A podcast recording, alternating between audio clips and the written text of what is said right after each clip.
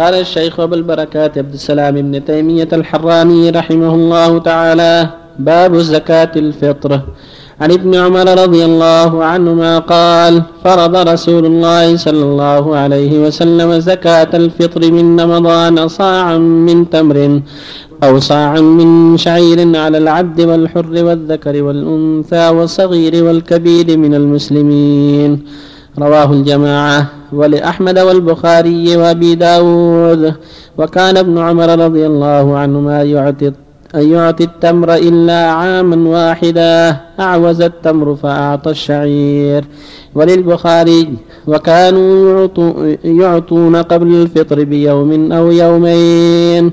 وعن أبي سعيد رضي الله عنه قال كنا نخرج زكاة الفطر صاعا من طعام أو صاعا من شعير أو صاعا من تمر أو صاعا من أقط أو صاعا من زبيب. أخرجاه وفي رواية كنا نخرج زكاة الفطر إذ كان فينا رسول الله صلى الله عليه وسلم صاعا من طعام أو صاعا من تمر أو صاعا من شعير أو صاعا من زبيب أو صاعا من نقط فلم نزل كذلك حتى قدم علينا معاوية المدينة فقال إني لأرى مدين من سمراء الشام تعدل صاعا من تمر فأخذ الناس بذلك. قال أبو سعيد فلا أزال أخرجه كما كنت أخرجه. رواه الجماعة. لكن البخاري لم يذكر فيه. قال أبو سعيد فلا أزال إلى آخره. وابن ماجه لم يذكر لفظه اللفظة أو في شيء منه. وللنسائي عن أبي سعيد قال فرض رسول الله صلى الله عليه وسلم صدقة الفطر صاعا من طعام أو صاعا من شعير أو صاعا من تمر أو صاعا من نطط وهو حجة في أن اللقط أصل. وللدار قطني عن ابن عيينة عن ابن عجلان عن عياض بن عبد الله عن أبي سعيد رضي الله عنه قال ما أخرجنا على عهد رسول الله صلى الله عليه وسلم إلا صاعا من دقيق أو صاعا من تمر أو صاعا من سلت أو صاعا من زبيب أو صاعا من شعير أو صاعا من نقط. فقال ابن المديني لسفيان يا أبا محمد إن, إن أحدا لا يذكر في هذا الدقيق. فقال بلى هو فيه. رواه الدار قطني واحتج به أحمد على أجزاء الدقيق. وعن ابن عمر رضي الله عنهما أن رسول الله صلى الله عليه وسلم أمر بزكاة الفطر أن تؤدى قبل خروج الناس إلى الصلاة. رواه الجماعة إلا ابن ماجه. وعن ابن عباس رضي الله عنهما قال فرض رسول الله صلى الله عليه وسلم زكاة الفطر طهرة للصائم من اللغو والرفث وطعمة للمساكين فمن أداها قبل الصلاة فهي زكاة مقبولة ومن أداها بعد الصلاة فهي صدقة من الصدقات رواه أبو داود وابن ماجه. وعن إسحاق بن سليمان الرازي قال قلت لمالك بن أنس أبا عبد الله كم قدر صاع رسول الله صلى الله عليه وسلم؟ قال خمسة أرطال وثلث بالعراق. أنا حزرته فقلت يا أبا عبد الله خالفت فقلت يا أبا عبد الله خالفت شيخ القوم. قال من هو؟ قلت أبو حنيفة. يقول ثمانية ثمانية أرطال. فغضب غضبا شديدا. ثم قال لجلسائنا يا فلان هات صاع جدك يا فلان هات صاع عمك يا فلان هات صاع جدتك. قال إسحاق فاجتمعت أصعه فقال ما تحفظون في هذا؟ فقال هذا فقال هذا حدثني أبي عن أبيه أنه كان يؤدي بهذا الصاع إلى النبي صلى الله عليه وسلم وقال هذا حدثني أبي عن أخيه أنه كان يؤدي بهذا الصاع إلى النبي صلى الله عليه وسلم وقال الآخر حدثني أبي عن أمه أنها أدت بهذا الصاع إلى النبي صلى الله عليه وسلم فقال مالك أنا حزرت هذه فوجدتها خمسة أرطال وثلثاه رواه الدار قطني. وبالله التوفيق الحمد لله وصلى الله وسلم على رسول الله وعلى آله وأصحابه. ومن تبعهم بإحسان أما بعد فهذه الأحاديث الصحيحة كلها تتعلق بزكاة الفطر. والله جل وعلا شرع لعباده ختم صيام رمضان هذه الزكاة وبصلاة العيد وبالتكبير والذكر. تعظيما لله عز, عز وجل وشكرا له على نعمته سبحانه وتعالى بإكمال الصيام والقيام.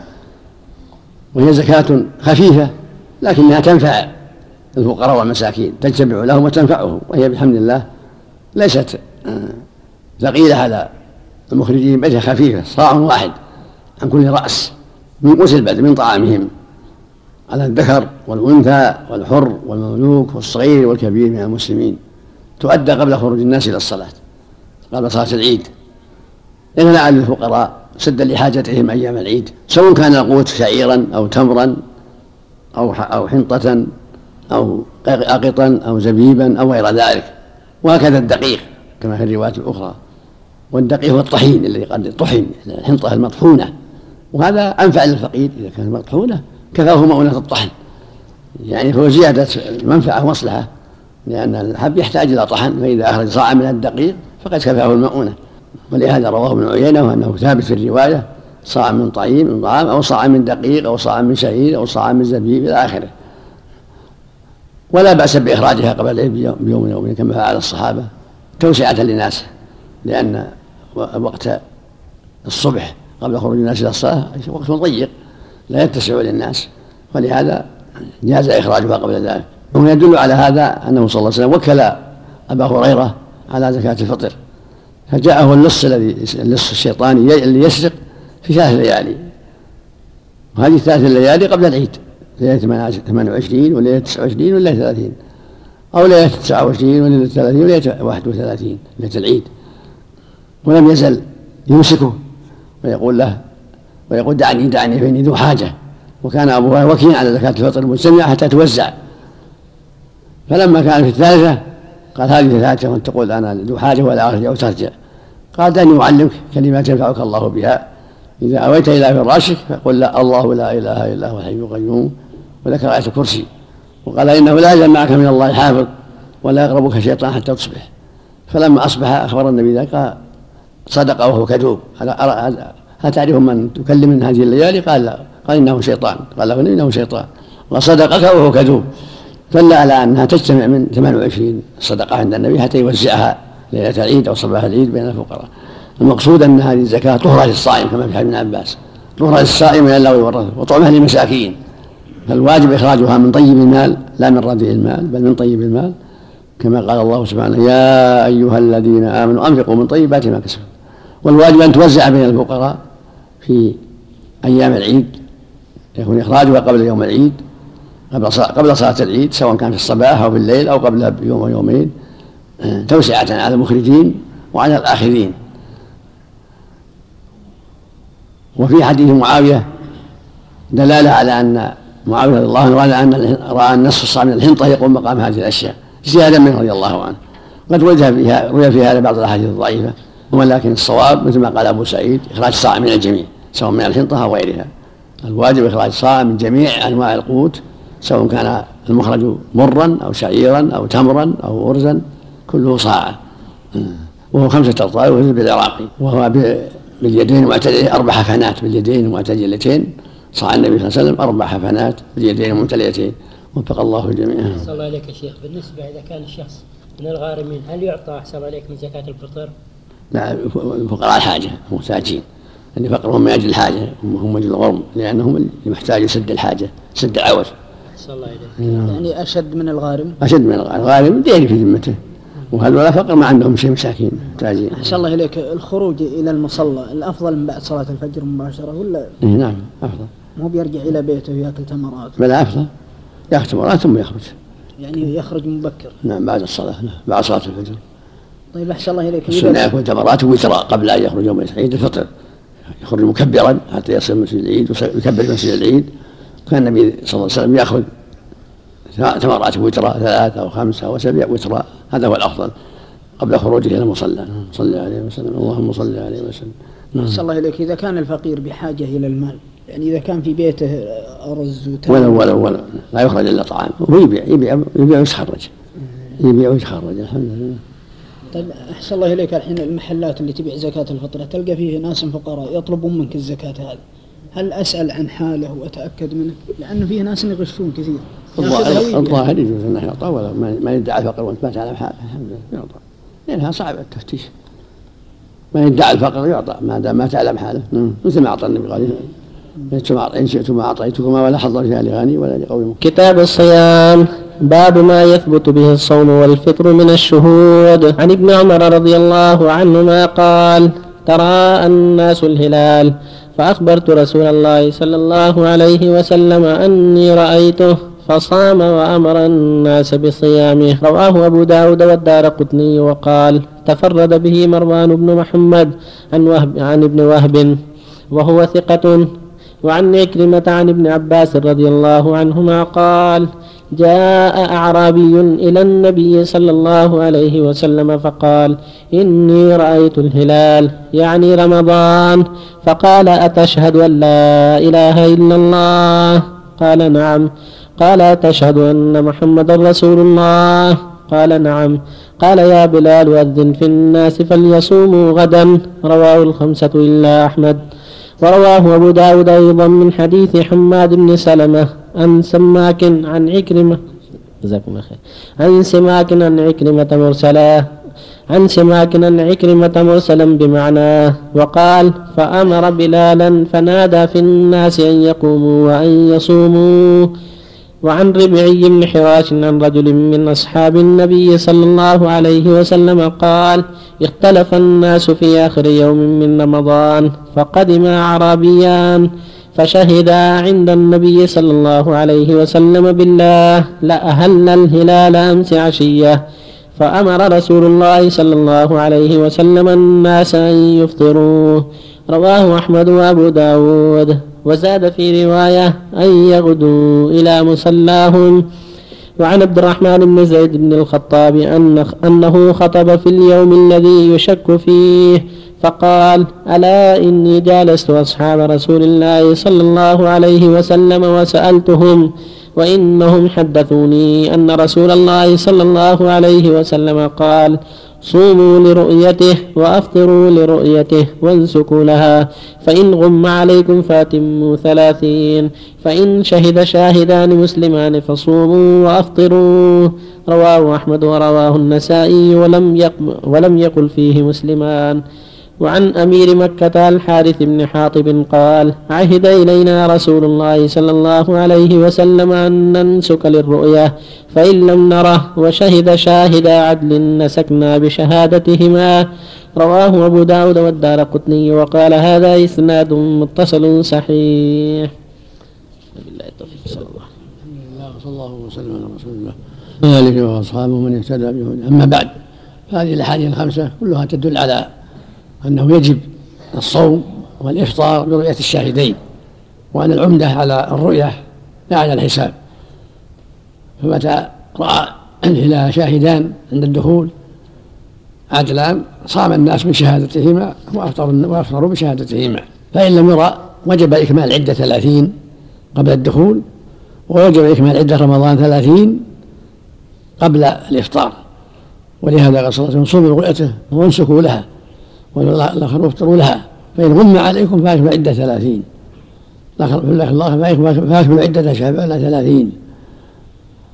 في الوقت الآخر لا تصوموا حتى تروا الهلال ولا تصوموا حتى تروا الهلال أو تكملوا عدة. هذا يدلنا على أن الواجب اعتماد الرؤية بالشهادة في رمضان وفي شهر ذي الحجة جميعا. فإن شهد شاهد ثقة عند الدخول عمل بشهادته. احتياطا للصوم احتياطا للعبادة ودخولها. أما الخروج منها فلا يخرج منها إلا بشاهدين عدلين وهكذا بقية الشهور. لا تثبت إلا بشهادتين عدلين عند جميع أهل العلم. ولا يجوز الصوم مع الغباء بل يجب إفطار يوم الثلاثين من شعبان لقوله صلى الله عليه وسلم لا تقدموا رمضان بصوم يوم ولا يومين إلا رجل كان يصوم صومه فليصومه. ولقوله فأكملوا العدة وفي اللفظ الآخر أكملوا عدة شعبان ثلاثين يوما. ويقول عمار رضي الله عنه ياسر من صام اليوم الذي فكه فقد أصاب أبا القاسم صلى الله عليه وسلم. هذا هو الواجب في الأهلة. إذا شهد شاهدان صام الناس وأفطروا ووقفوا في ذي الحجة كذلك في عرفة وعملوا بشهادتين في كل شيء. أما الواحد فيعمل به في دخول رمضان فقط. وما سواه لا بد من شاهدين. وإذا شهد شاهد في دخول رمضان ولم يرى الهلال كملوا ثلاثين بزيادة يوم إذا لم يشهد شاهدان بدخول شهر شوال؟ هذا هو المعتمد وإنما يعمل بواحد في الدخول أما في الخروج فلا بد من شاهدين عدلين بدخول شوال. نعم. وإذا أفطروا وإذا شهد شاهدان يوم يوم العيد أنهما رأى البارحة أفطر الناس ثم يغدو إلى مصلاهم غدا. إذا شهد شاهدان من الضحى مثلا أو الظهر أنهم رأوا الهلال البارحة ليلة الثلاثين من رمضان أفطر الناس صار يوم عيد ولكن الصلاة تكون في الغد يذهبون إلى مصلاهم غدا. إذا كانت البينة جاءت عند الزوال أو قرب الزوال أو بعد الزوال ما يمديهم يذهبون إلى صلاتهم غدا الصبح فإنهم يؤجلون الصلاة إلى الغد ويفطرون في الحال لأنه ثبت أنه يوم عيد. نعم. أحسن الله إليك إذا كان في غيوم أحسن الله إليك. أكمل العدة.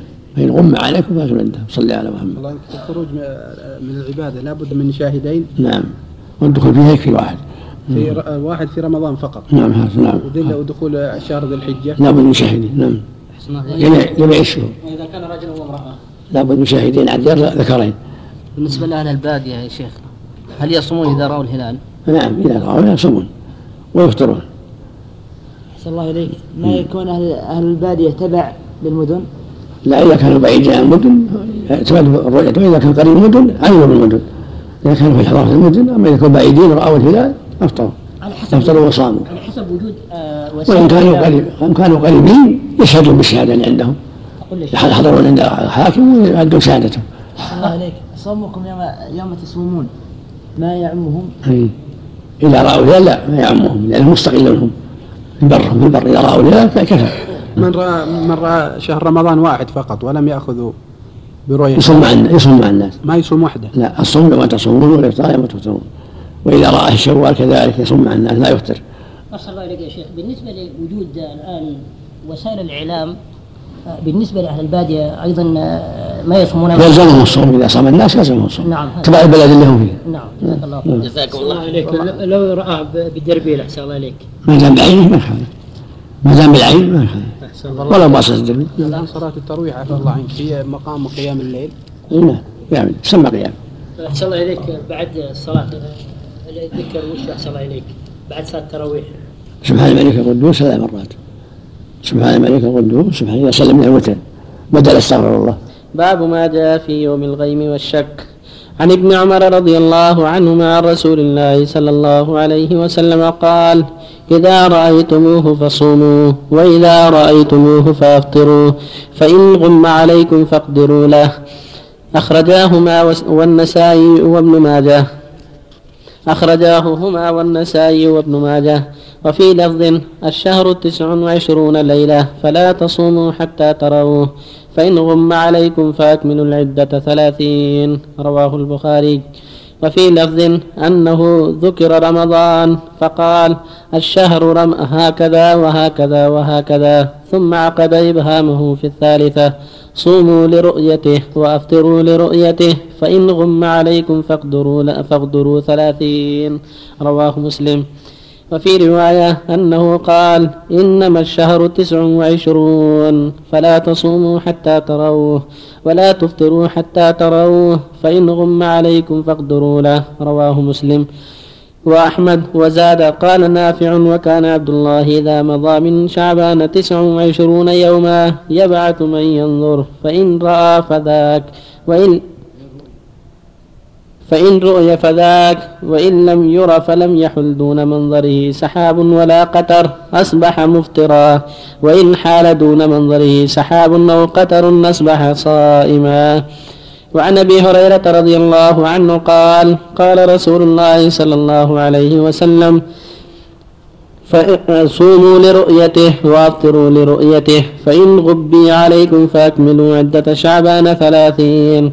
رواه البخاري ومسلم وقال فإن غبي عليكم فعدوا ثلاثين وفي لفظ صوموا لرؤيته فإن غمي عليكم فعدوا ثلاثين رواه أحمد وفي لفظ إذا رأيتم الهلال فصوموا وإذا رأيتموه فأفطروا فإن غم عليكم فصوموا ثلاثين يوما رواه أحمد ومسلم وابن ماجه والنسائي وفي لفظ صوموا لرؤيته وأفطروا لرؤيته فإن غم عليكم فعدوا ثلاثين ثم أفطروا.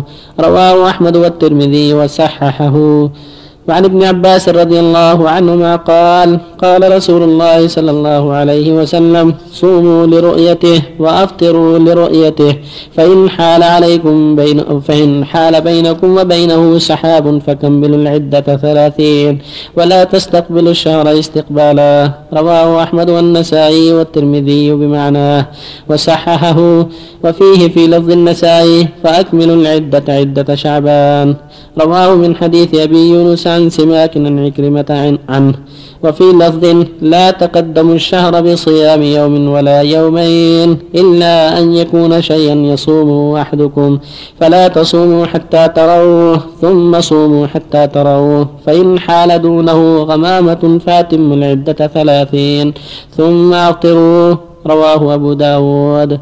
وعن عائشة رضي الله عنها قالت كان رسول الله صلى الله عليه وسلم يتحفظ من هلال شعبان ما لا يتحفظ ما لا يتحفظه من غيره يصوم لرؤية رمضان فإن غم عليه عد ثلاثين يوما ثم صام.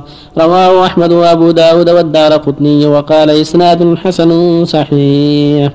وعن حذيفة رضي الله عنه قال قال رسول الله صلى الله عليه وسلم لا تقدموا الشهر حتى تروا الهلال أو تكملوا العدة ثم صوموا حتى تروا الهلال أو تكملوا العدة. رواه أبو داود والنسائي. وعن عمار بن ياسر رضي الله عنه قال من صام اليوم الذي يشك فيه فقد عصى أبا القاسم محمد فقد عصى أبا القاسم محمدا صلى الله عليه وسلم. رواه الخمسة إلا أحمد وصححه الترمذي وهو للبخاري تعليقا. بسم الله الرحمن الرحيم. الحمد لله. صلى الله وسلم على رسول الله وعلى آله وأصحابه من اهتدى بهداه. أما بعد هذه الأحاديث المتعددة. من حديث ابن عمر وابي هريره وابن عباس وحذيفه وغيرهم وعائشه كلها تدل على وجوب العناية بالشهر وأن أصله تسع وعشرون. تارة ينقص وتارة يكمل ثلاثين لا يتغير. إما ثلاثون وإما تسعة وعشرون. فإذا لم يحمد لما ظهره سحاب أكملوا ثلاثين فإن كان هناك غيم عدوا ثلاثين.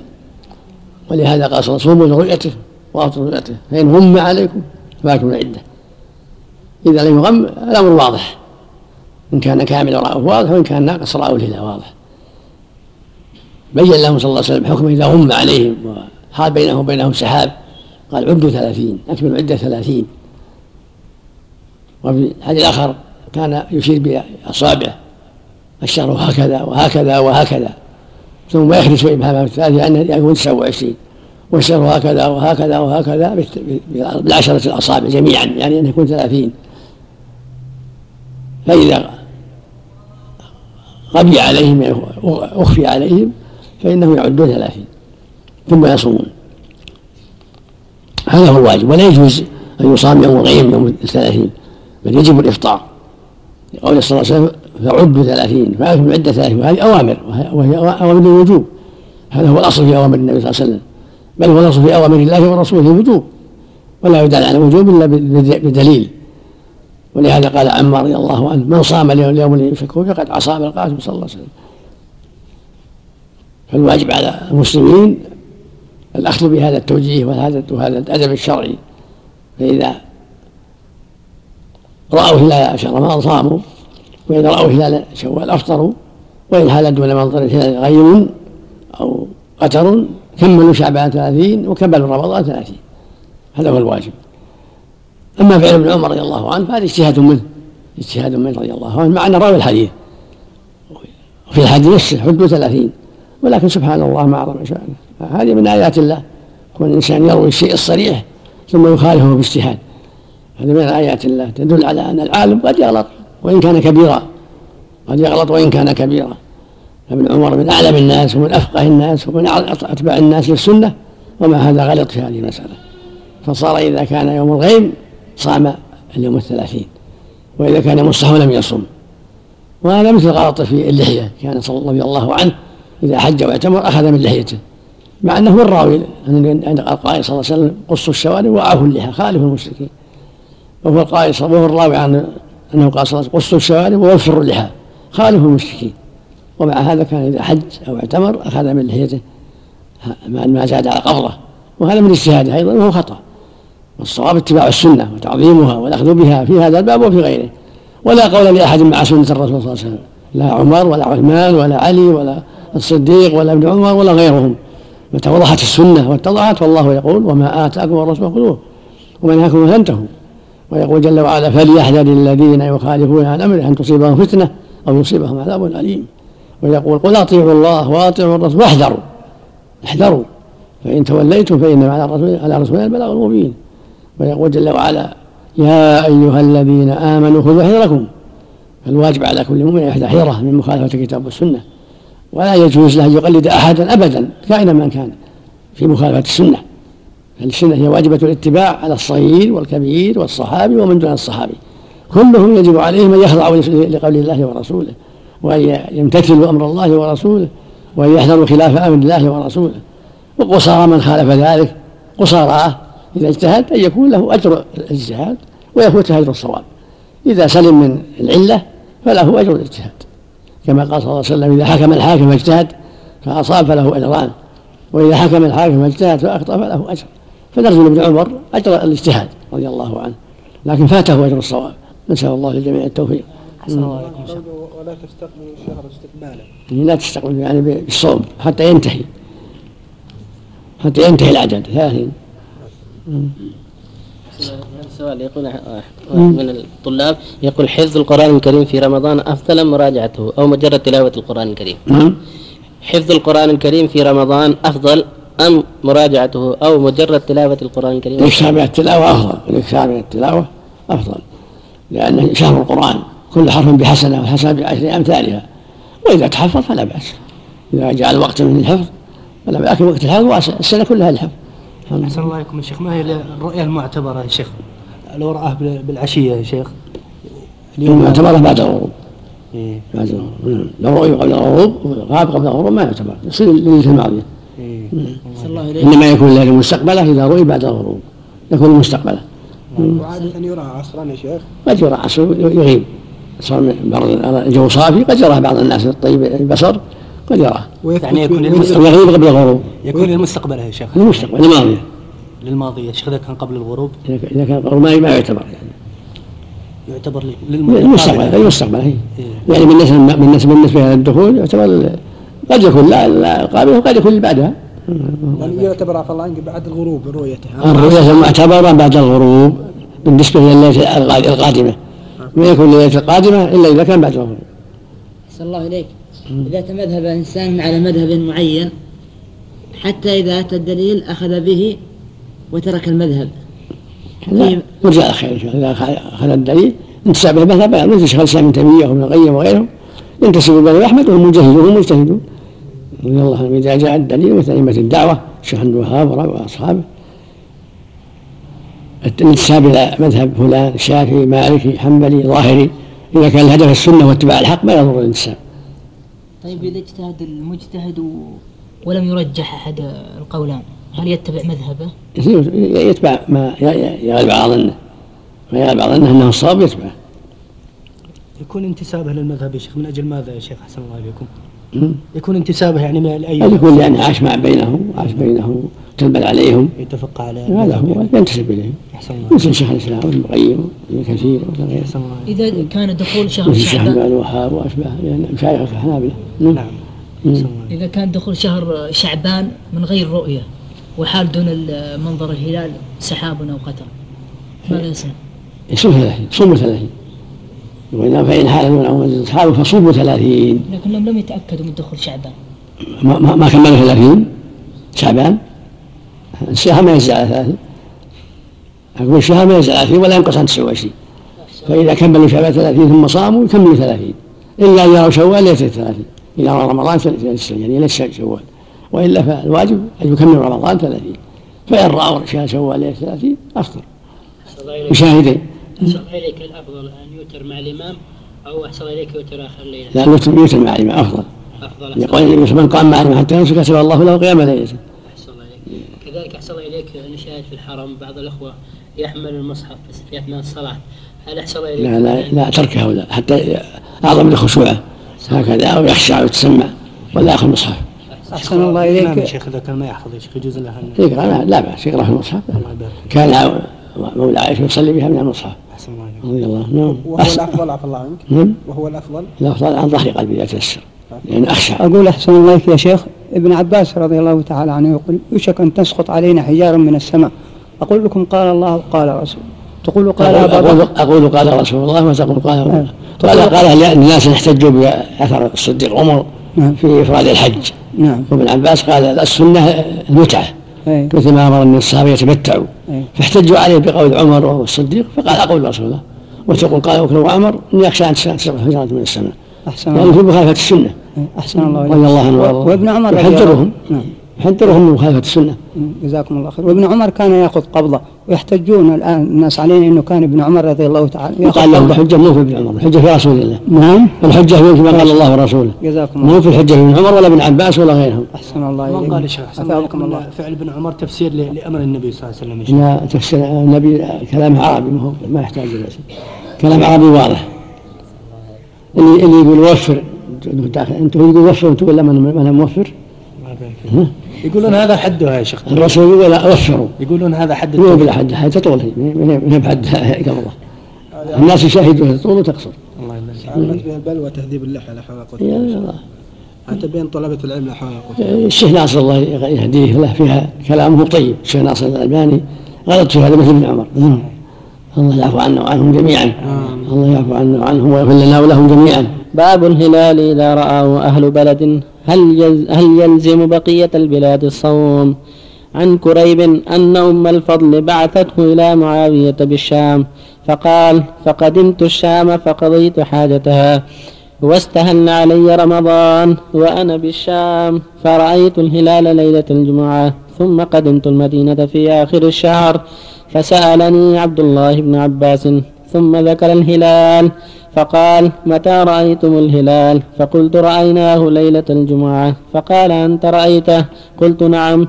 ورآه الناس وصاموا وصام معاوية. فقال لكنا رأيناه ليلة السبت فلا نزال نصوم حتى نكمل ثلاثين أو نراه. فقلت أفلا تكتفي برؤية معاوية وصيامه؟ فقال لا. هكذا أمرنا رسول الله صلى الله عليه وسلم. رواه الجماعة إلا البخاري وابن ماجه. باب وجوب النية من الليل في الفرض دون النفل. عن ابن عمر رضي الله عنهما عن حفصة رضي الله عنها عن النبي صلى الله عليه وسلم أنه قال من لم يجمع الصيام قبل الفجر فلا صيام له. رواه الخمسة. وعن عائشة رضي الله عنها قالت دخل علي رسول الله صلى الله عليه وسلم ذات يوم فقال هل عندكم من شيء؟ فقلنا لا. فقال فإني إذا صائم. ثم أتانا يوما آخر فقلنا يا رسول الله أهدي لنا حيس فقال أدنيه فلقد أصبحت صائما. فأكل. رواه الجماعة إلا البخاري. وزاد النسائي ثم قال إنما مثل صوم المتطوع مثل الرجل يخرج من ماله الصدقة. فإن شاء أمضاها وإن شاء حبسها. وفي لفظ له أيضا قال يا عائشة إنما منزلة من صام في غير رمضان أو في التطوع بمنزلة رجل أخرج صدقة ماله فجاد منا بما شاء فأمضاه وبخل منا بما شاء فأمسكه. قال البخاري وقالت أم الدرداء كان أبو الدرداء يقول عندكم طعام فإن قلنا لا قال فإني صائم يومي هذا. قال وفعله أبو طلحة وأبو هريرة وابن عباس وحذيفة رضي الله عنهم. صلى الله وسلم على رسول الله وعلى آله وأصحابه. من اهتدى بهداه أما بعد. فالحديث الأول فيما يتعلق بصوم الناس برؤية الهلال في أي بلد. رآه المسلمون. ذهب جمهور أهل العلم رحمة الله عليهم إلى أن الهلال إذا رؤي في بلد لزم المسلمين كلهم الصوم إذا بلغهم الخبر لأنهم شيء واحد والفريضة عليهم واحدة. فإذا ثبت عندهم رؤية الهلال في أي بلد من بلاد المسلمين صام الجميع. هذا هو الذي عليه جمهور أهل العلم وهو الأح وهو أصح. لقوله صلى الله عليه وسلم صوموا رؤيته وأفطروا رؤيته. فإن غم عليكم فأكملوا العدة ثلاثين. هذا خطاب الأمة مو من أهل المدينة وحدهم هذا خطاب الأمة يخاطب الأمة. مثل قوله جل وعلا حافظوا على الصلوات. مثل قوله أقيموا الصلاة وآتوا الزكاة. لجميع لجميع الأمة. هكذا قوله سبحانه كتب عليكم الصيام. المقصود لجميع جميع الأمة. فإن ثبت في الرياض في مكة في المغرب في المشرق. ثبوتا شرعيا لزم الناس أن يصوموا إذا بلغهم الخبر وأن يقضوا ما فاتهم إذا ما بلغهم إلا بعد ذلك يقضوا ما فاتهم منه. لأن الشهر للجميع والواجب واجب على الجميع. فإذا ثبت عند قوم بالحب البينة الشرعية وجب على الآخرين صوما وفطرا وذهب جماعة من العلم منهم ابن عباس رضي الله عنه وجماعة إلى أن الرؤية تتعدد وأن لكل أهل بلد رؤيتهم إذا تباعدت المسافات بينهم كالشام والمدينة الشام والمدينة ونجد كالشام والعراق كالشام والمغرب إذا تباعدت الأقطار. فلكل أهل بلد رؤيتهم لأن الهلال قد يرى هنا ولا يرى في الجهات الأخرى قد يرى في الشام ولا يرى في المغرب قد يرى في نجد ولا يرى في الشام. ولهذا ذهب ابن عباس رضي الله عنه إلى العمل بتعدد الرؤية وأن لكل أهل بلد رؤيتهم فإنه خريبا أخبره أن أهل الشام رأوه ليلة الجمعة. قال صام معاوية وصام الناس. قال ابن عباس رأيناه ليلة السبت فلا نزال نصوم حتى نرى الهلال أو نكمل العدة. هكذا أمرنا الرسول صلى الله عليه وسلم تأول قوله تعالى تأول قول النبي صلى الله عليه وسلم رؤيته. وأنه يخاطب كل أهل بلد وليس للناس كلهم بل يخاطب كل أهل بلد بما بلغهم وثبت على لديهم وهذا قول له قوته لما قاله ابن عباس رضي الله عنه ولكن أصح من قول الأكثرين وأن الجميع يصومون. فإذا لم يتيسر ذلك وصام كل أهل بلد على حدتهم فلا حرج إن شاء الله لأن المسألة محتملة وفيها شبهة والأمر فيها واسع. لكن إذا تيسر أن يصوموا جميعا فهو الذي ولا سيما في هذا العصر. فإن العموم متيسر. الإذاعات تعم تعم الخبر في الحال. بخلاف حال الأولين متى يصل الراكب؟ متى يصل الراكب من المدينة إلى الشام؟ ومن الشام إلى المدينة؟ بالرؤية. إلا وهو في آخر الشهر. يعني يتعسر في الزمن الماضي بلوغ الرؤية إلى البلاد البعيدة. إلا إلا في آخر الشهر أو بعد الشهر. لكن اليوم يتيسر في الليلة, في التي يرى فيها يتيسر بالإذاعة يبلغ أقاصي الدنيا وقريبها فالذي ينبغي متى ثبت في بلد بالحكم الشرعي بالرؤية الشرعية أن يصوموا جميعا وأن تكون كلمتهم واحدة وعيدهم واحدة. هذا هو هذا هو الواجب. فإن لم يتيسر ذلك ورأى العلماء في بلدهم قول ابن عباس والقول بأن لكل أهل بلد رؤيتهم فلا حرج. يصوموا برؤيتهم ويفطروا برؤيتهم. والحديث الثاني حديث حفصة رضي الله عنها.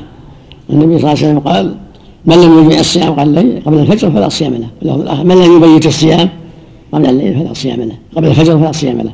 هذا يدل على أنه لابد من تبييت النية في الصوم الفرض. لأن الله أوجب علينا أن نصوم جميع النهار. فلا بد من تبييت النية. ينوي بقلبه قبل الفجر أنه يصوم هذا اليوم أو هذا الشهر. يصوم بالنية. قوله صلى الله عليه وسلم إنما الأعمال بالنيات وإنما لكل لكل امرئ ما نوى. والله أوجب علينا أن نصوم جميع الشهر وجميع النهار في مدة الشهر فلا بد من نية تحقق هذه العبادة. وتبييتها أن ينوي قبل الفجر. هذا تبييتها. أن ينوي قبل أن يطلع الفجر. أنه صائم هذا اليوم عن فرضه. أما النافلة فالأمر فيها واسع. النافلة لا بأس أن يصوم من أثناء النهار يكون له أجر الصوم من حين نوى في أثناء النهار لانها نافلة ليس أمرها بفرض. ويدل على هذا حديث- عائشة رضي الله عنها. النبي صلى الله عليه وسلم كان دخل عليها ذات ليل ذات يوم فقال هل عندكم شيء؟ قالت لا. قال فإني إذا صائم. فصام من أثناء النهار فيكون له أجره من حين الانصام فإذا أصبح لم يكن شيئا ولم يتعاطى مفطرا. وفي أثناء الضحى طلع عليه يصوم أمسك من ساعته لا بأس. ويكون له أجر الصيام منه النوى في هذه النافلة. النافلة أمرها أوسع. النافلة واسعة. وهكذا الحديث الثاني الحديث الثاني أن المتطوع منه صاحب الصدقة. يخرج من صدقة من ماله شيئا فإن شاء أمضاه وإن شاء أمسكه. فهكذا الصائم المتطوع إن شاء صام النهار كله وإن شاء صام بعض النهار وإن شاء أفطر إذا صام هو ليس بملزوم بالمضي في صومه ولا بأن يبيت النية لأنه متطوع ليس عليه حرج. فإذا أصبح صائما ثم طاع أن يفطر لمصلحة أفطر. وإذا أصبح مفطرا ثم صام فلا بأس. إذا لم يتعاطى مفطرا لا أكل ولا شرب ولا غير ذلك. لي حديث عائشة وما جاء في معناه. ويدل الحديث أيضا على أن الإنسان لو عزل من ماله شيء للصدقة ما يخرج من ماله حتى ينفذ. لو عزل ألف أو ألفين قال هذه الصدقة. في في باقي في ملكه حتى يسلمها للفقراء. يعني لا تخرج من ملكه فلو صرف فيها بشيء آخر لا بأس. حتى تصل إلى الفقراء. وفق الله الجميع. الله عنك. أقوى دليل لقول ابن عباس هذا الحديث حديث كريب. نعم. ثم اتجه إلى بلد أخرى ثم رأوا الهلال ولم يصم سوى 28 يوما. لا يحزنه يصوم يوم بعد العيد الحمد لله. لأن الشهر لا يمر عن 29 أحسن الله إليك يبدأ إلى متى النفي؟ ها؟ يعني إذا صار الإنسان نوى ما أكل شيء بعد ما ما له حد. ضحى ولا ظهر. ولا عصر. ما ما له إلا نيته. له أجر الصيام من حين نوى. شيخ أحسن الله عليكم. شيخ تعدد يعني اتفقت الناس على الرؤية يا شيخ مثلا. إذا اتفقت الناس على رؤية واحدة يا شيخ احسن الله عليكم. بعض البلاد يا شيخ يشرق عليها الشمس قبل أخرى. ولو فيبدأون يا شيخ من حين يغرب الشمس عندهم غروب الشمس يختلف في كل بلد. إذا إذا يا شيخ أهل الهلال ببلد والبلاد تطلع على أهل المشرق قبل أهل المغرب وتغيب على أهل المشرق قبل أهل المغرب. هذا شيء مشاهد. يا شيخ يصومون من ذلك اليوم يعني يقضونه يصومون من المغرب يعني؟ اليوم الثاني. إيش؟ مثلا إذا رأوا الهلال في بلد والبلد الثاني يكونون في يكونون ضحى يا شيخ. إيه. يقضون هذا اليوم و- يقضون هذا اليوم إيه. إيه. إذا صام مبلغهم إلا في النهار يقضون. أما إن جاءهم في الليل يصوم من الناس. يقضى النفل؟ لا ما يقضى. مو بلازم والأثر هذا وقضى وقضي يوم مكانه. نعم. آه، حديث عائشة عفى الله عنك عند البيهقي والدار قطني. هذا على سبيل الاستحباب. يعني الحديث الصحيح ما فيها قضاء الامر بالقضاء. على سبيل الاستحباب؟ لو صح. إيه. لو صح سنه ما يلزم في في رمضان النية من أول الشهر أن يصوم الشهر كله؟ لا كل يوم له نيته كل يوم له نيته. بعض العلماء يفتون بأن ال- النية خاصة بعض البلدان بعض العلماء يفتون بأن النية الواحدة تكفي للشهر كله. نعم لكن ضعيف برجه لأن كل يوم مستقل. طيب الذي كل يوم عبادة مستقلة. طيب الذي الذي كان في تلك البلاد وصام على هذا ال- هذه النية. هل يجزئه؟ يجزي اللي الله شاء يجزئه. باب الصبي يصوم إذا أطاق وحكم من وجب عليه الصوم في أثناء الشهر أو اليوم. عن الربيع بنت معوذ قالت أرسل رسول الله صلى الله عليه وسلم غداة عاشوراء إلى قرى الأنصار التي حول المدينة. من كان أصبح صائما فليتم صومه ومن كان أصبح مفطرا فليتم بقية يومه. فكنا بعد ذلك نصومه ونصوم صبي- صبياننا الصغار منهم ون- ونذهب إلى المسجد فنجعل لهم اللعبة من العهن.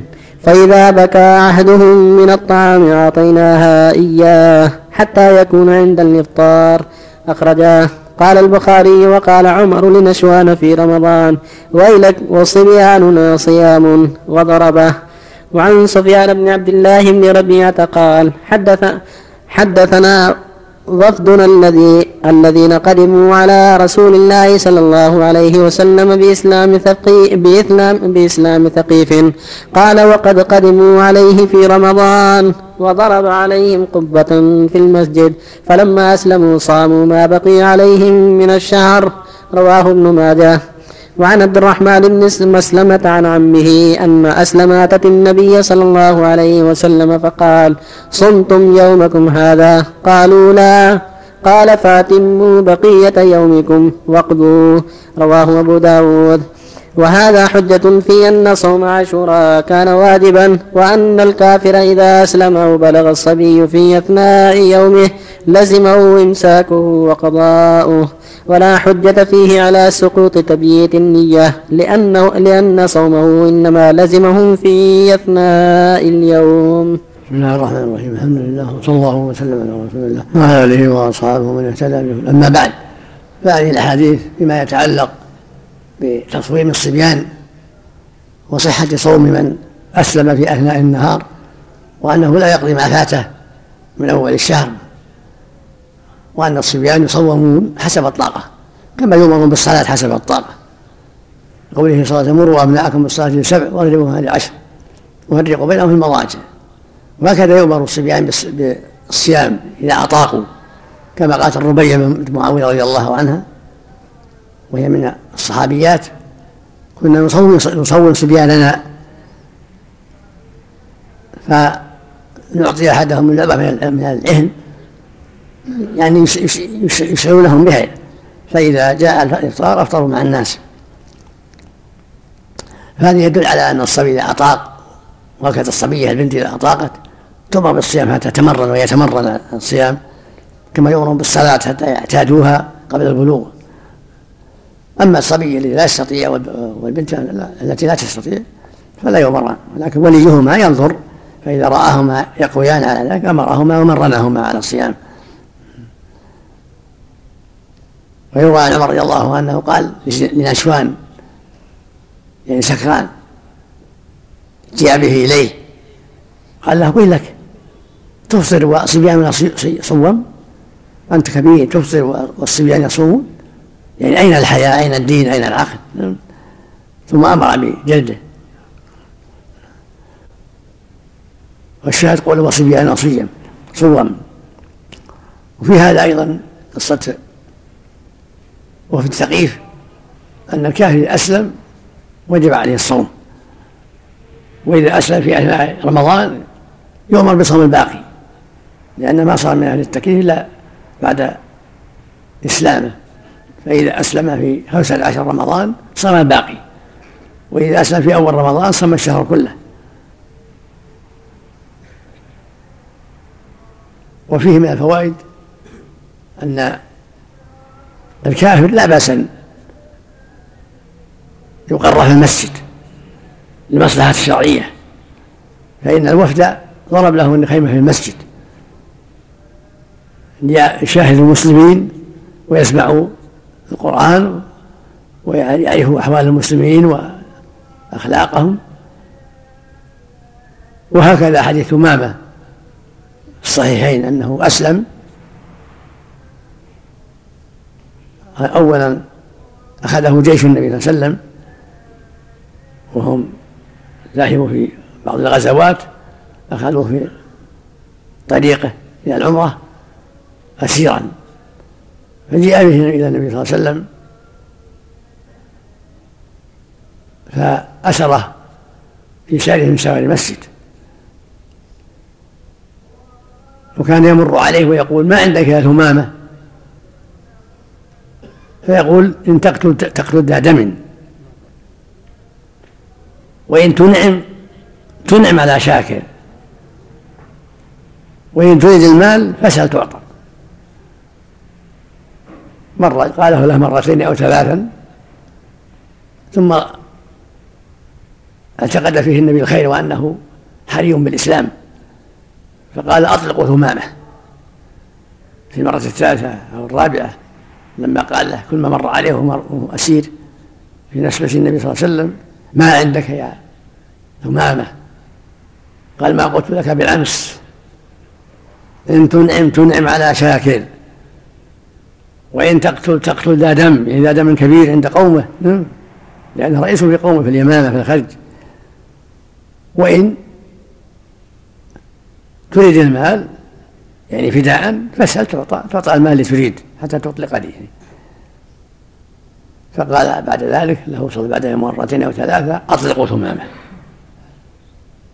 فأطلقوا ثمامه وذهب إلى بستان قرب المسجد فاغتسل. ثم جاء قال أشهد أن لا إله إلا الله وأن محمدا رسول الله. وأسلم وحسن إسلامه. وقال يا نبي الله أنا جئت العمرة كان يشك أنا ذاهب العمرة وسألها إلى العمرة. وسوف لا يرد إلى إلى قريش حبة حنطة إلا بإذنك. فلما وصل إلى مكة سألوا صبأت قال أسلمت.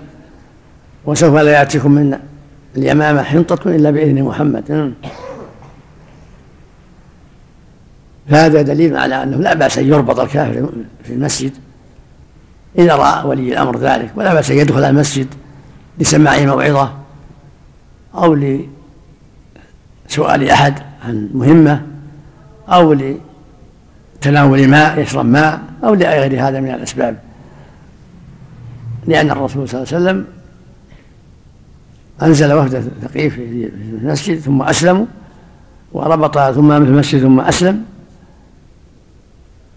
وكانت الوفود تريد إليه وهو جالس في المسجد. فيسلمون عليه ويتكلمون معه مسلمهم وكافرهم. فدل ذلك على الجواز.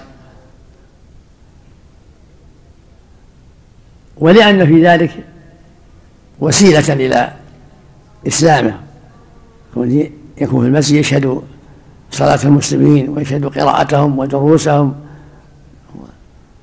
ويرى أعمالهم هذا مما يدعوه إلى الدخول في الإسلام. وفق الله الجميع. بعض الأسئلة وردت من بعض المصلين.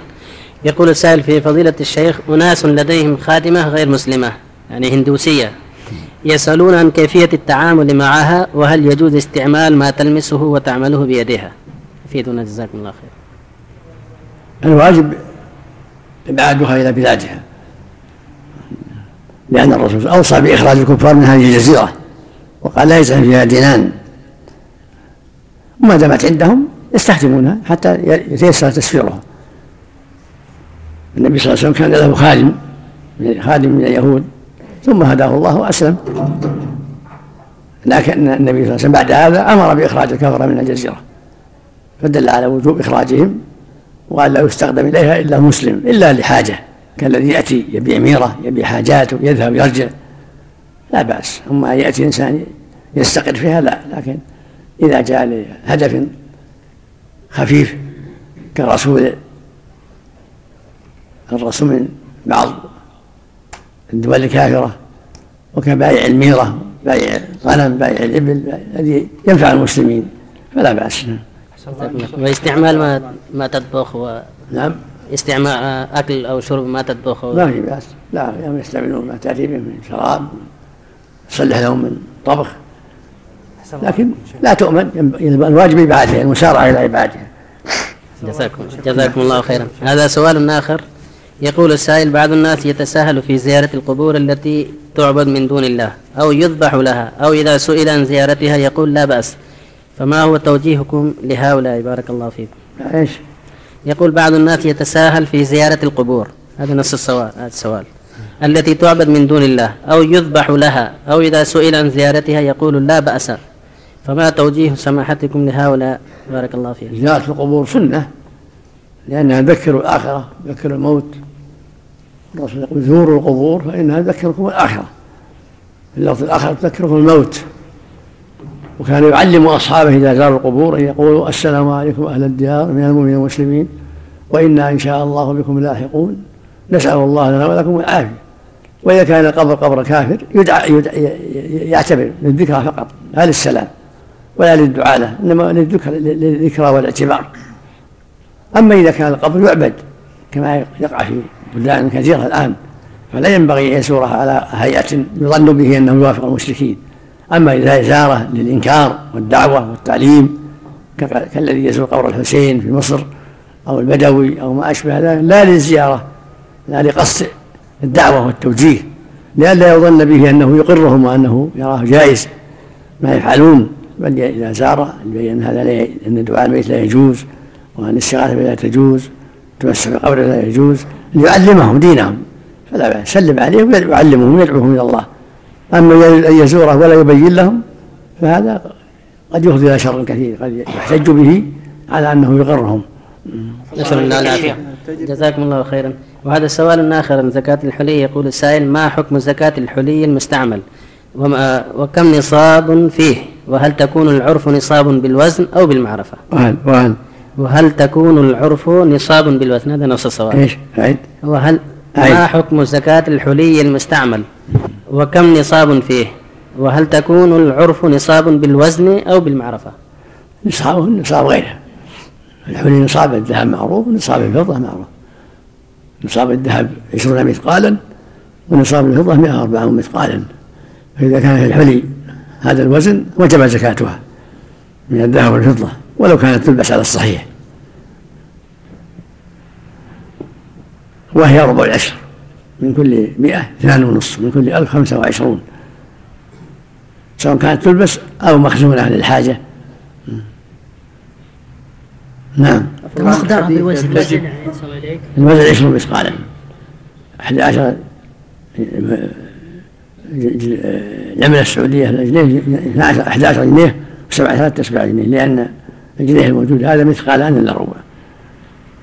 والنصاب عشرون مثقالا.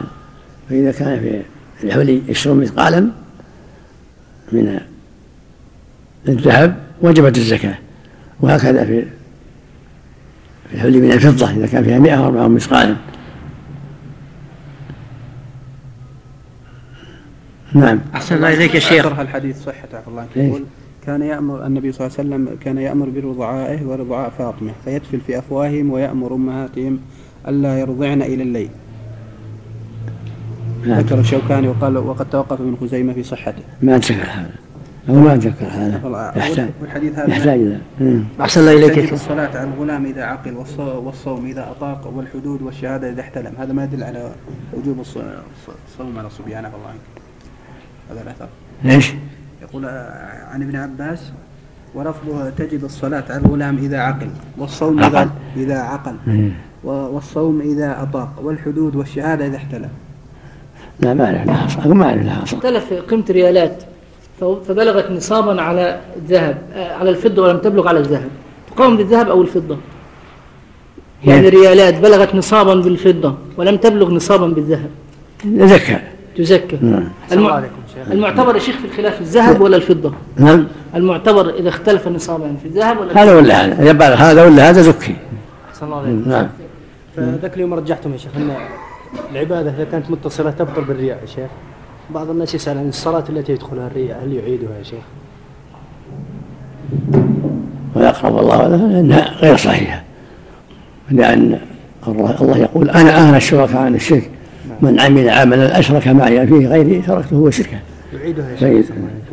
إن كان فريضة يعيدها إن كان نافلة ما عليه عاد الله إليك يا شيخ بالنسبة, بالنسبة للذهب الملبوس إذا كان صاحبتها ما عندها مال لأجل أن تزكي هل تبيع منها وتزكي؟ نعم. تصنع؟ تبيع منه تزكي أو تقترض. نعم. الله عليك إذا كان الأم, الأم وعندها بنات أحسن عليك هل يجمع مع بعض الذهب؟ لا كل واحد؟ لها. كل واحد لها. كل واحد لحاله إن تم النصاب كل واحد لها حسابه نعم. النصاب مقداره كم يعني؟ أقل شيء يعني. 20 مثقال. إيه، شيء 20 مثقال. نعم. يعني يعني صار أقل من 20 مثقال ما يزكى عنه نعم نعم. لكن بالجرام. كم يعني يطلع بالريال السعودي؟ جرام 92 جرام 92 92 جرام. بعض العوام ما يعرف بالجرام. مثلا يقول كم؟ مثلا حبة 1000 1500 كم يعني؟ 56 ريال. 56 فض- فضة. و11 جنيه ونص سعودي. جنيه سعودي يعني. 1150 ريال تقريبا. نعم. 1150 ريال. 11 جنيه سعودي. 1150 يختلف. عاد الصرف يختلف. نعم. الصرف يختلف. جزاك الله خير.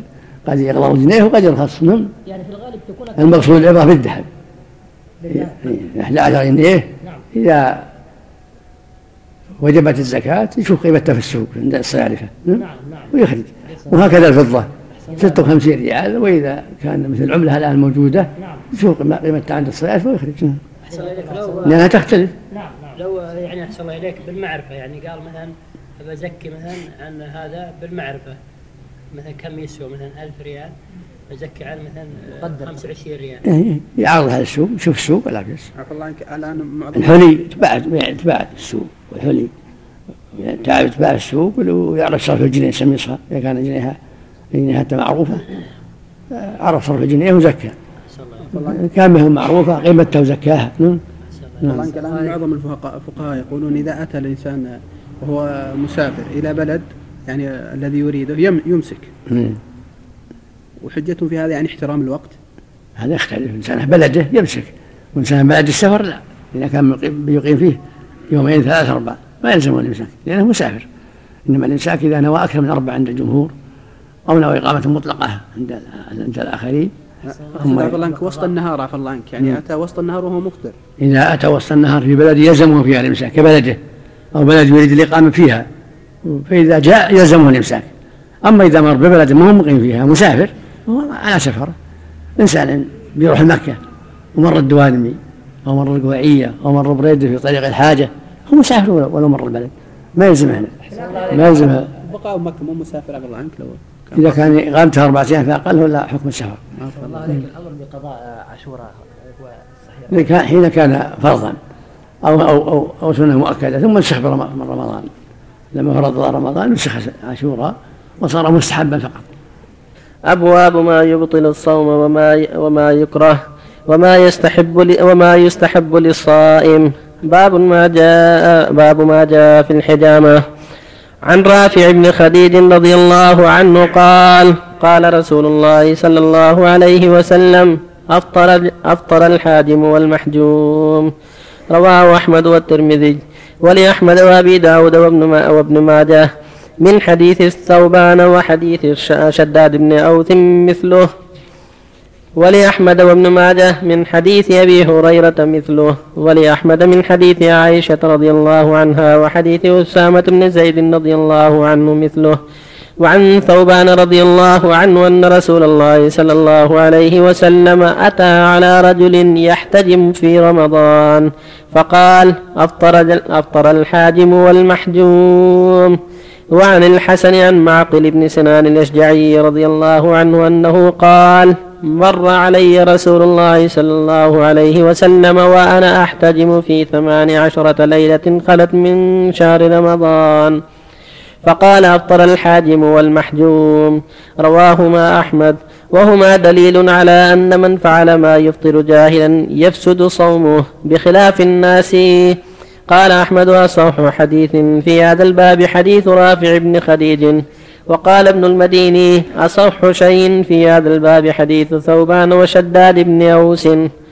وعن ابن عباس رضي الله عنهما أن النبي صلى الله عليه وسلم احتجم وهو محرم واحتجم وهو صائم رواه أحمد والبخاري. وفي لفظ احتجم وهو محرم صائم.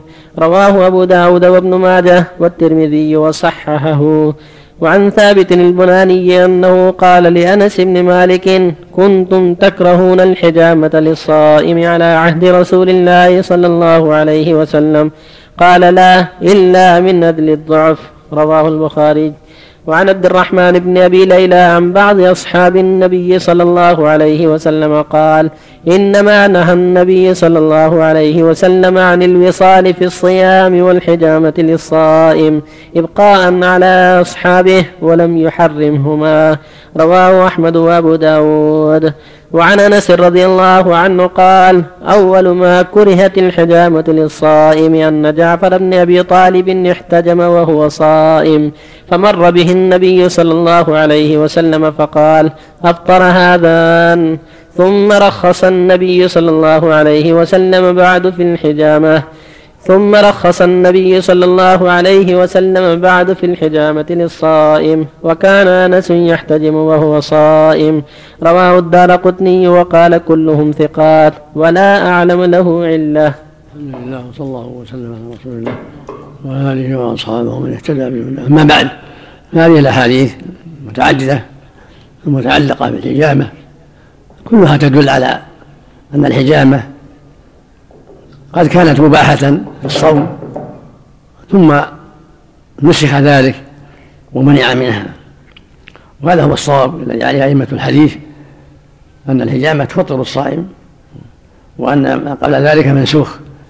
ومن هذا حديث ابن عباس احتجم النبي وهو صائم قبل النسخ. كذلك احتجام جعفر بن أبي طالب قبل النسخ. وأما حديث أنس انهم أن الصائم ما كان يكره هنا إلا من أجل الضعف فهذا مبني على القول بأنها مباحة. ولعل أنس رضي الله عنه نسي ما ورد في الأحاديث الصحيحة. فالأحاديث الصحيحة كلها دالة على تفطير الصائم الحجامة. وأما حديث الأخير أنها منسوخة فهو أيضا ضعيف. مخالف للأحاديث الصحيحة وشاذ عنها.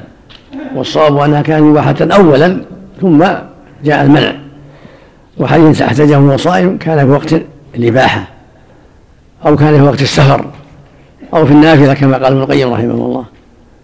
فحديث ابن عباس عنه أجوبة منها أنه كان ذلك في اباحه الحجامه للصائم قبل النسخ ومنها أنه كان قد قد يكون مسافرا كما في الحديث احتجم وهو صائم ومنها أنه يحتمل أنه كان في نافلة لا في الفريضه فلا تقوم به الحجة في مخالفة الأحاديث الصحيحة.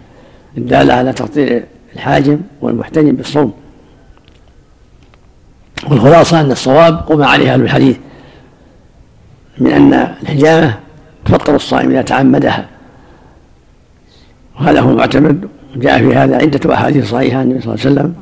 وأما ما ورد من احتجامه وهو صائم فهو معول على أنه كان قبل النسخ أو في حال السفر أو في حال المرض أو في حال كون الصوم نافلة. ولهذا قال ابن القيم رحمه الله لا لا يتم الاحتجاج به إلا بعد تمهيد أربعة أمور الأمر الأول أن يكون في الحضر والأمر الثاني يكون صحيحا والأمر الثالث أن يكون في الفرض لا في النفل والأمر الرابع أن يكون بعد النسخ بعد حديث أفطر الصائم. ولا يتم شيء من هذا. وبذلك يعلم أن الصواب قول من قال من أئمة الحديث أن الحجامة تفطر الصائم كما هو قول أحمد وإسحاق والراهوية وابن خزيمة وغيرهم من أئمة الحديث رحمهم الله. فإذا دعت الحاجة إلى الحجامة فليكن في الليل ليخرج من الخلاف. والحمد لله. وفق الله الجميع نعم. الله عليك قوله إن الصائم لا يعذر بجهله إذا ارتكب هذا كلام قوي. لأن الصوم موجود يحرم على المؤمن الأكل والصوم والشرب. فإذا جهل ذلك فهو عذر في عدم الإثم. لكنه ليس عذرا في القضاء فليقضي والإثم لا إثم إذا ما تعمد. مثل الذين أفطروا يوم ثلاثين من شعبان يظنونه من شعبان ثم بان انه من رمضان فلا إثم عليهم وعليهم القضاء. هكذا من افطر يظن الشمس قد غربت ثم بان أنها لم تغرب. أو يظن الفجر لم يطلع ثم بان أنه طلع وأنه أكل في النهار. الذي عليه الجمهور يقضي ولا إثم لعدم تعمده خلاف أمر الله. أحسن الله إليك. إذا ارتكب مفطرا ولم يعلم أن هذا مفطر إيه. يقضي؟ يقضي. هذا اللي عليه الجمهور نعم. أحسن الله أحسن الله عليكم هذا السؤال. نعم. وحديث ابن عباس كان في آخره فيصبح حديث ابن عباس ناسخا لحديث شداد. لا لا هذه هذه كانت مباحة أولا ثم ثم منعت الحجامة. نعم. أحسن الله إليك. الطيب البخور هذا هل يكره للصائم؟ لا لا يتنشغ تنشغ السعط يعني. لا يسعط الخروج من الخلاف. أما بدون سعط في ثيابه وتحت ثيابه ما يضر. أحسن الله عليكم هذا سؤال يقول السائل إذا فرغنا من قول سبحانك سبحان الملك القدوس بعد الوتر فهل يشرع الاستغفار بعد ذلك أم لا؟ وهل ينكر على من يصنع ذلك في هذا الموطن خاصة؟ ما في شيء. يدعو ويستغفر لا حرج. المقصود السنة بعد السلام. من الوتر يقول سبحان الملك القدوس سبحان الملك القدوس ثم يمد صوته بالثالثة سبحان الملك القدوس. رب الملائكة والروح فإذا دعا بها اللهم اغفر لي أو الله أستغفر الله ولا حول ولا قوة ما في بأس. لكن هذا هو المشروع. المشروع هذا بعد السلام. سبحان الملك القدوس سبحان الملك القدوس سبحان الملك القدوس رب الملائكة والروح ثلاثا بعد السلام من الوتر من الركعة الأخيرة. أحسن الله عليكم. هذا سؤال آخر يسأل السائل يقول هل الفرد من أسماء الله سبحانه وتعالى؟ نعم. الفرد من أسماء الله تعالى؟ ما أخبر أنه ورد في شيء من الأحاديث لكن هو فرد هو الواحد فرد الصفات سبحانه لكن ما أتذكر أنه جاء في شيء صحيح من الأحاديث اسم الفرد. لكن معناه صحيح هو الفرق جزاكم الله خيرا. مثل ما المعنى الموجود والشيء صحيح لكن ليس من أسمائه جزاكم الله خيرا. وهذا سؤال آخر يسأل عن درجة الحديث الذي عند الطبراني يقول أنزلت صحف إبراهيم لأول ليلة خلت من رمضان والتوراة لس- آه، والتوراة والإنجيل لثمان الحديث. لست والتوراة لست والإنجيل لثمان الحديث. المعروف أن إسرائيليات ما ما- لا حديث صحيح ما جاء في اللفظ حرم محرم وهو صائم احتجم النبي صلى الله عليه وسلم وهو محرم صائم.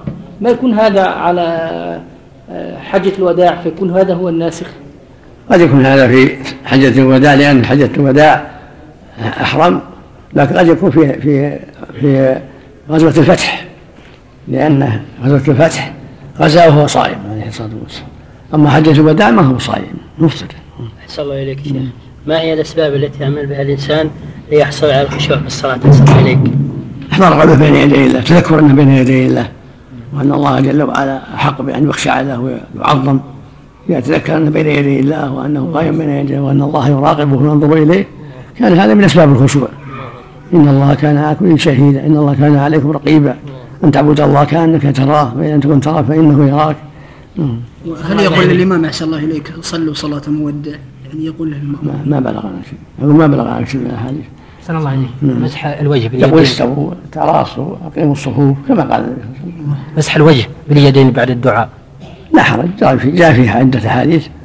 ذكر بعض أهل منها من بالحسن لغيره كالحافظ الحجر والجماعة. حتى لو كان في الصلاة أحسن الله إليك في لا في خارج الصلاة في خارج الصلاة. إلا في الوتر في القنوت. نعم. الوتر يكره أحسن الله إليك. إن مسح لا بأس في القنوت لا بأس. حديث فضالة يدل على أنه يصلي الإنسان قبل ما يدعو على النبي صلى الله عليه وسلم. الصلاة يعني أي نعم. فهل يدعى يصلى على النبي صلى الله عليه وسلم في دعاء القنوت قبل ما يبدأ؟ لا ما ورد. هذا في الدعاء الخاص يعني. حديث عجل هذا؟ نعم. هذا في الدعاء الخاص الذي يدعوه الإنسان. أما الدعاء الوارد اللي ورد عن النبي صلى الله عليه وسلم وعن الصحابة نعم. يتقيد فيه ما ورد. طيب الفرد يا شيخ. نعم. نعم. يقال يا فرد يا صمد. من باب الخبر يعني. ما أعلم معناه وما أعلم معناه لكن كونه يتو- يتوسل بالاسماء المعروفة. يا رحمن يا رحيم يا عزيز يا الاسماء المعروفة. نعم. هذا اولى ولا هذا وارد فرد الصوت وارد في كلام العلماء كثير. أحسن الله إليك المداومة على قراءة سبح والكافرون والإخلاص في الوتر. مداومة السنة. عليها هذا السنة. يتركها أبدا. هذا السنة. بعض الناس بعض العلماء يتركها لئلا يظن أنها واجبة. ولا هي واجبة. الامر واسع النبي كان على في وتره صلى الله عليه وسلم شيخ نواقض الإسلام العشرة.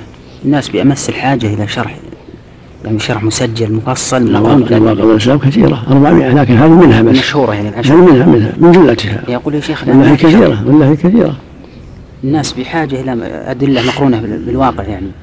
يا ليتك يا شيخ تقوم ب- بهذا الزمن. وهي معانيها واضحة الله يغفر له ومعانيها واضحة لكن زود خير إن شاء الله. نعم. هي مكتوب كاتب فيها كتابة توزع.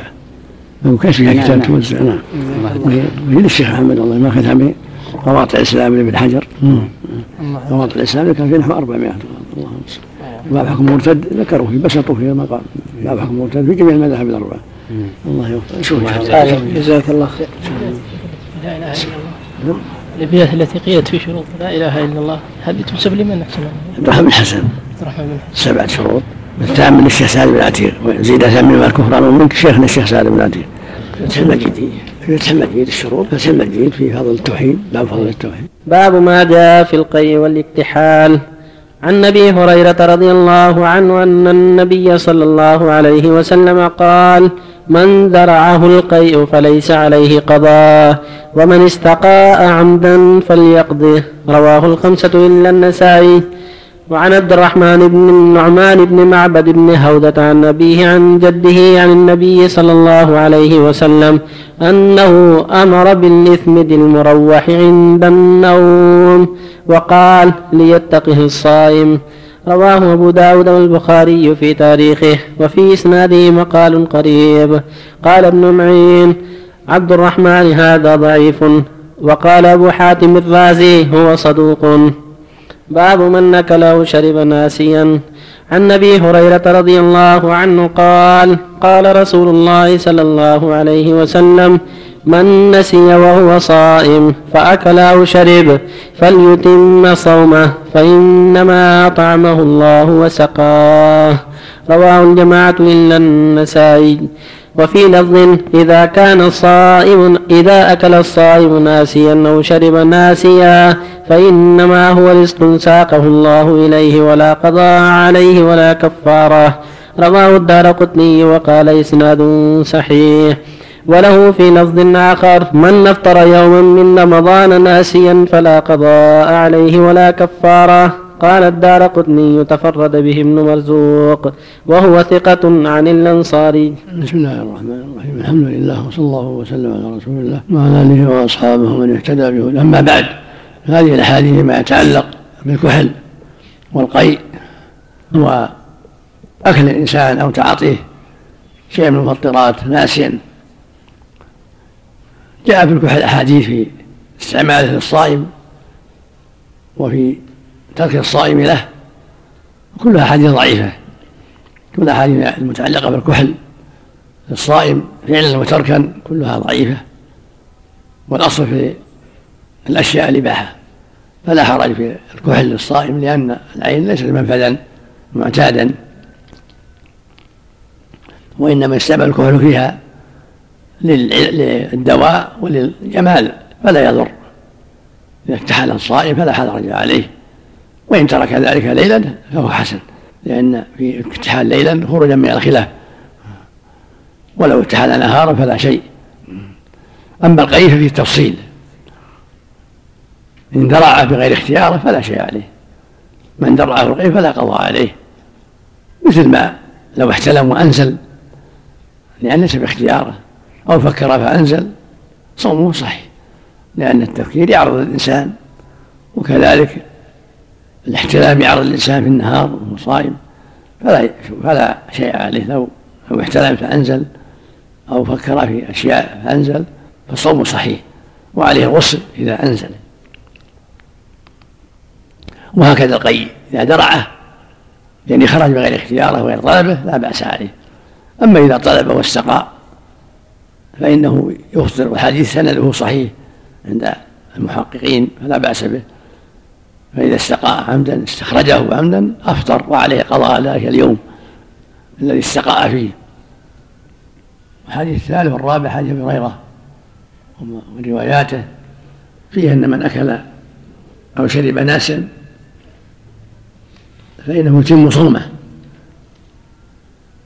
فانما أطعمه الله وسقاه وصومه صحيح. يقول الله سبحانه ربنا لا تؤاخذنا إن نسينا أو أخطأنا. ولأن النسيان ليس باختياره. أمر قهري ليس باختياره. ولهذا نسي النبي صلى الله عليه وسلم في الصلاة وهو, وهو رسول الله. قال إنما أنا بشر بشر مثل أنسى كما تنسون. فإذا أكل ناسيا أو شرب ناسيا أو جامع ناسيا فلا قضاء ولا كفارة. صومه صحيح وليتم صومه فلا إثم عليه ولا كفارة عليه ولا قضاء عليه. وهذا من لطف الله ورحمته وفضله سبحانه وتعالى. وهكذا لو وقع ذلك في الحج أو في العمرة ناسيا فإنه لا حرج عليه ولا قضاء عليه ولا كفارة. نعم. نعم الأدلة الفرق بين الناس والجاهل الجاهل متعمد؟ الجاهل خلاف؟ أما الناس ما خلاف. أما الجاهل الصواب عليه الجمهور أنه يفطر. إذا جامع وادعى أنه جاهل أو فكان بعد طلوع الفجر أو قبل غروب الشمس قال إني جاهل يؤمر بالقضاء عند الجمهور. والصحيح عندكم عند الأكثر يؤمر بالجمهور. هذا نفتي به أن عليه القضاء نعم. سد لذريعة التساهل نعم. أحسن الله إليك استعمال قطرة وهو صايم أحسن الله إليك ما يضر تركها أحسن ولا لا العين. نعم مثل الكحل لكن تركها أحوط يجعلها في الليل أحسن مثل ما وسلم دع ما يريبك إلى ما لا يريبك حلقة. ولو لا مهم منفذ مهم طريقة قد يشعر الإنسان بشيء تحت رجله لو يحط شريط تحت رجله ولا غيره حسب طعامه في حلقة. نعم. إذا وصف الطبيب استعماله في النهار استعمله أحسن إليك لا حرج لا حرج لا حرج الكحل والقطرة لا حرج في النهار لكن في الليل إذا تيسر أفضل. والإبر كذلك. قول لا قضاء ولا كفارة. يفيد إنه لو عامدا عليه الكفارة؟ إذا كان جماع فيه كفارة لغير الجماع ما فيه كفارة. كفارة في الجماع إذا جامع في رمضان. السلام عليكم شيخ. الإثم المروح أو المروح؟ مطيب يعني. إيه، اللي فيه- مروح. اللي فيه طيب نعم. أحسن الله عليكم. عنك حديث المجامع لأهله. ه- ه- كعامدا أو عامدا يعني هلكت.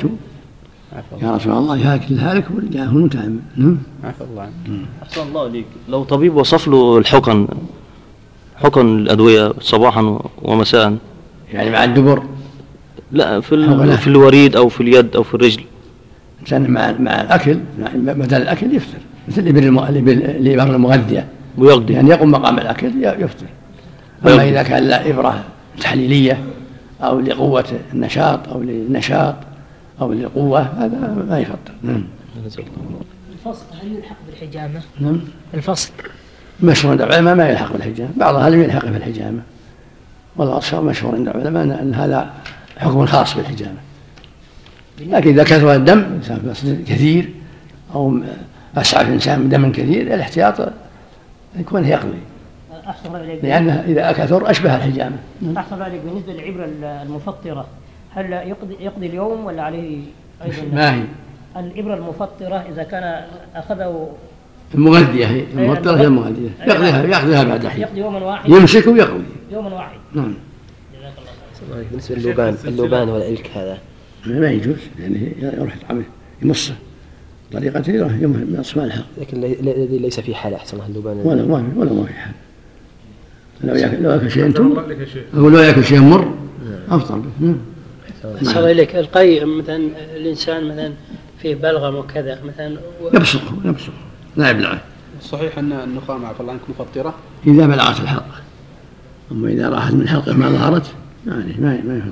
لكن إذا بلغت الفم صار في الفم أحسن الله إليك يا شيخ. يبصقها.